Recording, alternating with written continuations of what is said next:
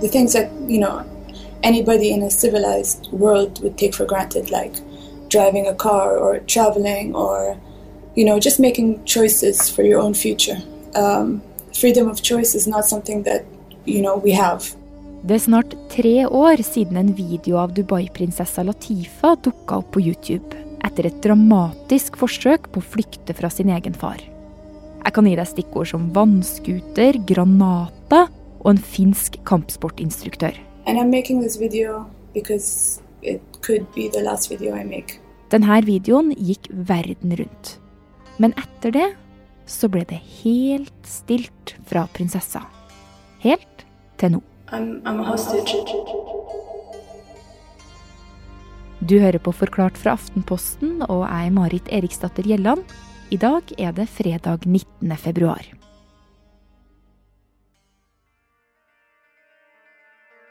Historien om Dubai-prinsessen Latifa er eh, blitt et kjempeproblem for, eh, for, hennes eh, far. Og forteller samtidig ganske mye om hvordan kvinner har det i et emirat som Dubai. Og Midtøsten-korrespondent her i Aftenposten, Jon Hultgren, hva, hva er det den saken her handler om? Saken handler om, i hovedsak om to personer. Og Det er altså da prinsesse Latifa og hennes far, som er sjeik og hersker i emiratet Dubai. Eh, han heter sjeik Mohammed bin Rashid al Maktoum. Og hans datter er altså da en prinsesse. Sjeiken er altså både styrtrik og mektig. I tillegg til å være den øverste lederen i Dubai, så er han statsminister og visepresident i landet Dubai ligger i, De forente arabiske emirater.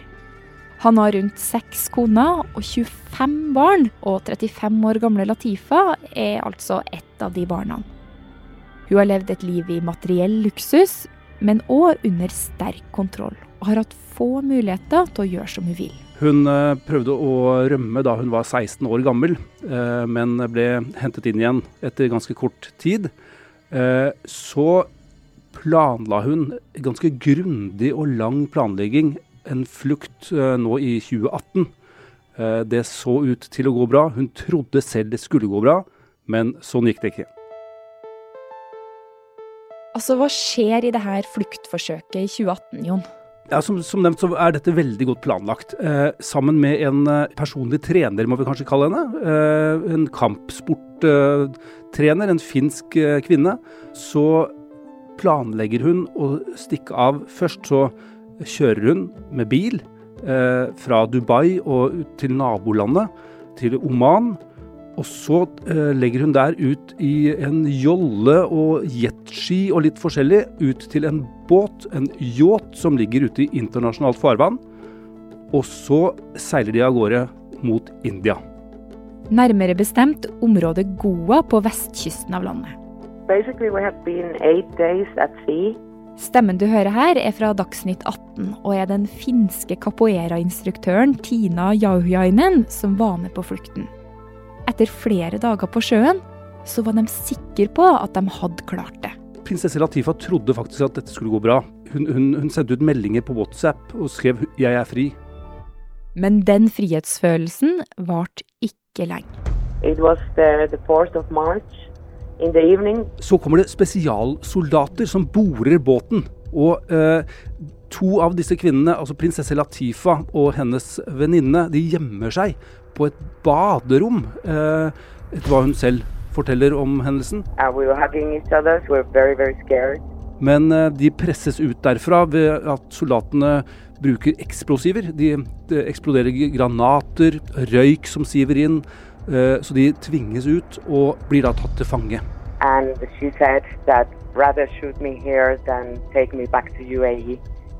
Men hun blir ikke skutt.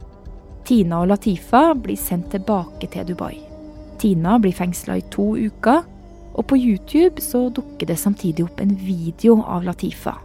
And if you are watching this video, it's not such a good thing. Either I'm dead or I'm in a very, very, very bad situation. Hun beskylder faren sin for å være ond og fortelle om mishandling og streng kontroll. So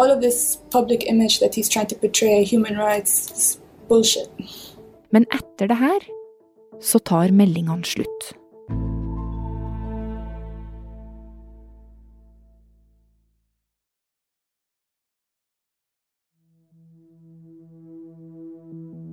Etter fluktforsøket i 2018 så er det ingen som hører noe mer fra prinsessen på lang tid. Etter hvert som man historiene blir fortalt om fluktforsøket, om hva som har skjedd, så, så frykter man jo for hennes liv. Eh, og det blir, blir, tatt opp som en sak i FN. FN begynner å legge press på Dubai for å få klare signaler om at hun faktisk er i live. Og til slutt så kommer det et bilde fra Dubai. Ja, det kommer et, et bilde. Eh, faktisk flere bilder som er eh, tatt, tatt i Dubai, hvor prinsessen sitter sammen med, med, en representant fra FN, i hvert fall en tidligere FN-representant, og spiser lunsj. Ser ut til å ha det veldig hyggelig. Men bakgrunnen for det bildet er et helt annet enn det vi får inntrykk av når vi ser på bildet, og det som Dubai forteller oss at bildet illustrerer. Dette bildet kommer vi tilbake til. For selv om verden nå har fått et livstegn, så er det fortsatt stilt fra Latifa selv. Og kampsportinstruktøren Tina er bekymra for venninna si.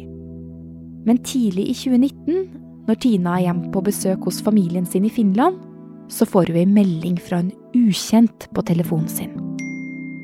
Hva er capoeira-navnet til Latifa? Tina taster inn kallenavnet Latifa har fått under trening. Og plutselig får hun kontakt med venninna.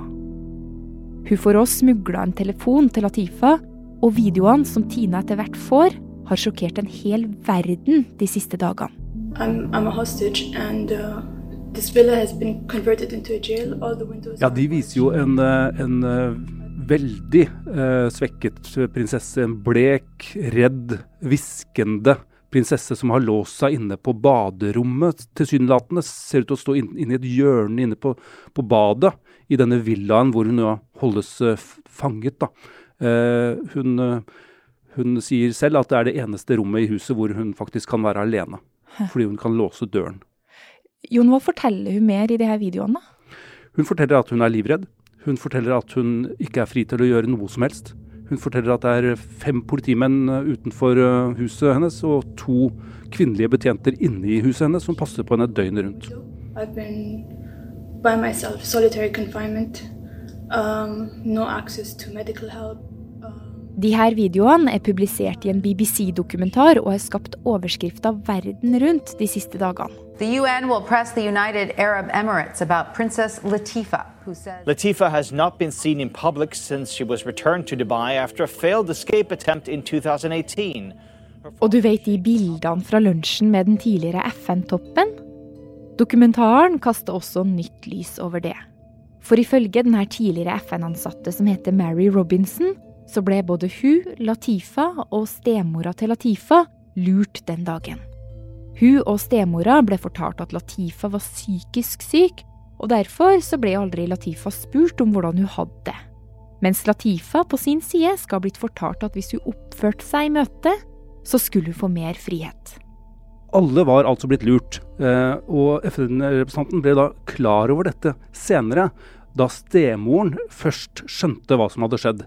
Eh, etter det så rømte hun til London med sine to barn. Eh, to barn som hun har sammen med sjeiken. Og hun ringte da til Mary Robinson og sa Mary, vi er blitt lurt. Herlighet, for en historie. Altså, Jon, hvor alvorlig er det som har kommet fram, da?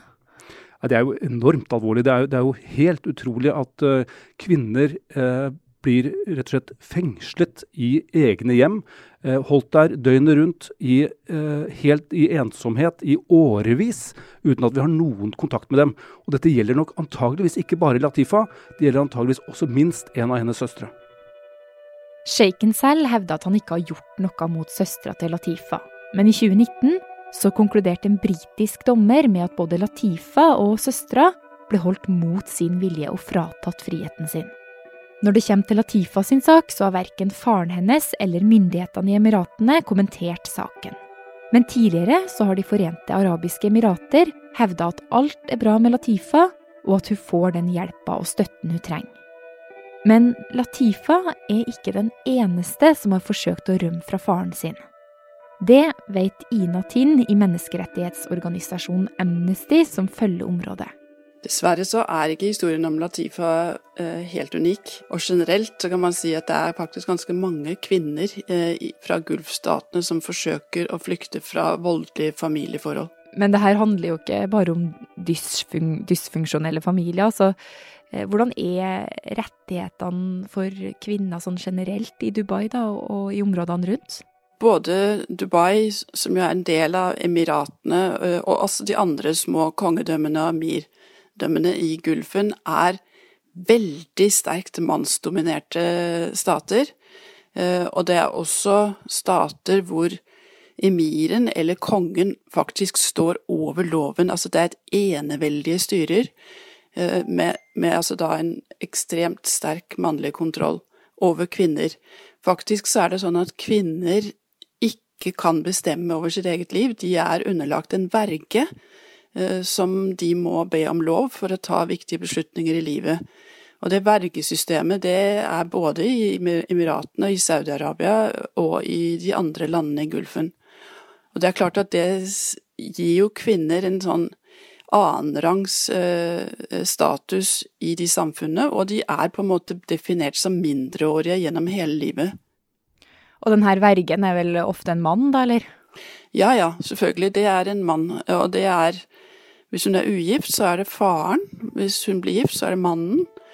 Hvis hun blir skilt, så kan det bli faren igjen, eller det kan bli en onkel. Faktisk kan det gå så langt som at det kan bli en sønn som er hennes verge. Og det her vergesystemet det kan gjøre livet veldig vanskelig for kvinnene. De får ofte ikke bestemme selv hvem de skal gifte seg med, og de kan ikke skille seg uten tillatelse fra vergen. I tillegg så må de ofte be om lov hvis de skal dra noe sted, eller føre store beslutninger rundt jobb og helse. Med andre ord, de må be om lov til det meste. Men hvorfor ha et sånt system? Ja, det kan for oss virke helt absurd, selvfølgelig. Men jeg tror at man kanskje kan si eh, at det er et større press på kvinner som er høyt oppe i samfunnet, altså ikke minst emirens eller da kongens familie. Eh, fordi at der er det et veldig stort fall i ære for familien hvis kvinnene ikke oppfører seg som da mennene mener at de skal. Eh, og da vil og det ser vi jo i disse sammenhengene her, mennene tyr til veldig drastiske midler for å sikre sin ære, eh, og for å unngå at Eller for å ikke få skadet sitt image. Og jeg vet i hvert fall at i denne sammenhengen her med denne emien, han er veldig opptatt av og har brukt mye ressurser på å skape et image i verden som en, hva skal vi si, moderniserende statsleder, altså en som virkelig går inn for nettopp reformer og så videre. Så det å risikere at disse kvinnene kanskje kan fortelle historier om familien som ikke stemmer med det imaget, det tror jeg han vil gjøre alt for å unngå, og det er jo nettopp det som vi har sett her nå, at han i to omganger altså da har eh, sperret Latifa inne. Eh, nå er det nesten tre år siden hun ble sperret inne. Så hvordan går det med Latifa nå? Etter at kampsportinstruktøren Tina fikk videoer og meldinger i 2019, så har det igjen blitt stilt. Og det var altså grunnen til at hun ga opptakene til BBC i håp om at verdenssamfunnet kunne gjøre noe. Og nå skal faktisk FN ta opp saken med Emiratene. Men Jon, det her presset som nå kommer for å endre noe for Latifa, hvordan ser det ut fremover? Er det noe håp for henne?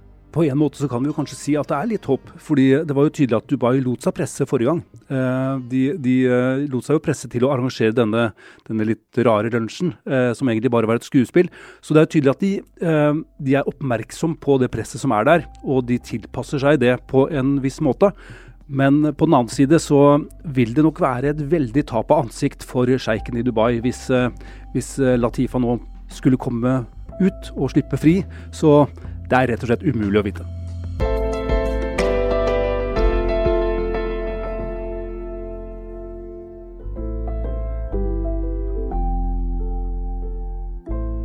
Denne episoden var laga av produsent David Vekoni og meg, Marit Eriksdatter Gjelland. Resten av Forklart er Ina Swann, Karoline Fossland og Anne Lindholm. Du har hørt lyd fra VGTV, Free Latifa, NRK, Euronews og CBS.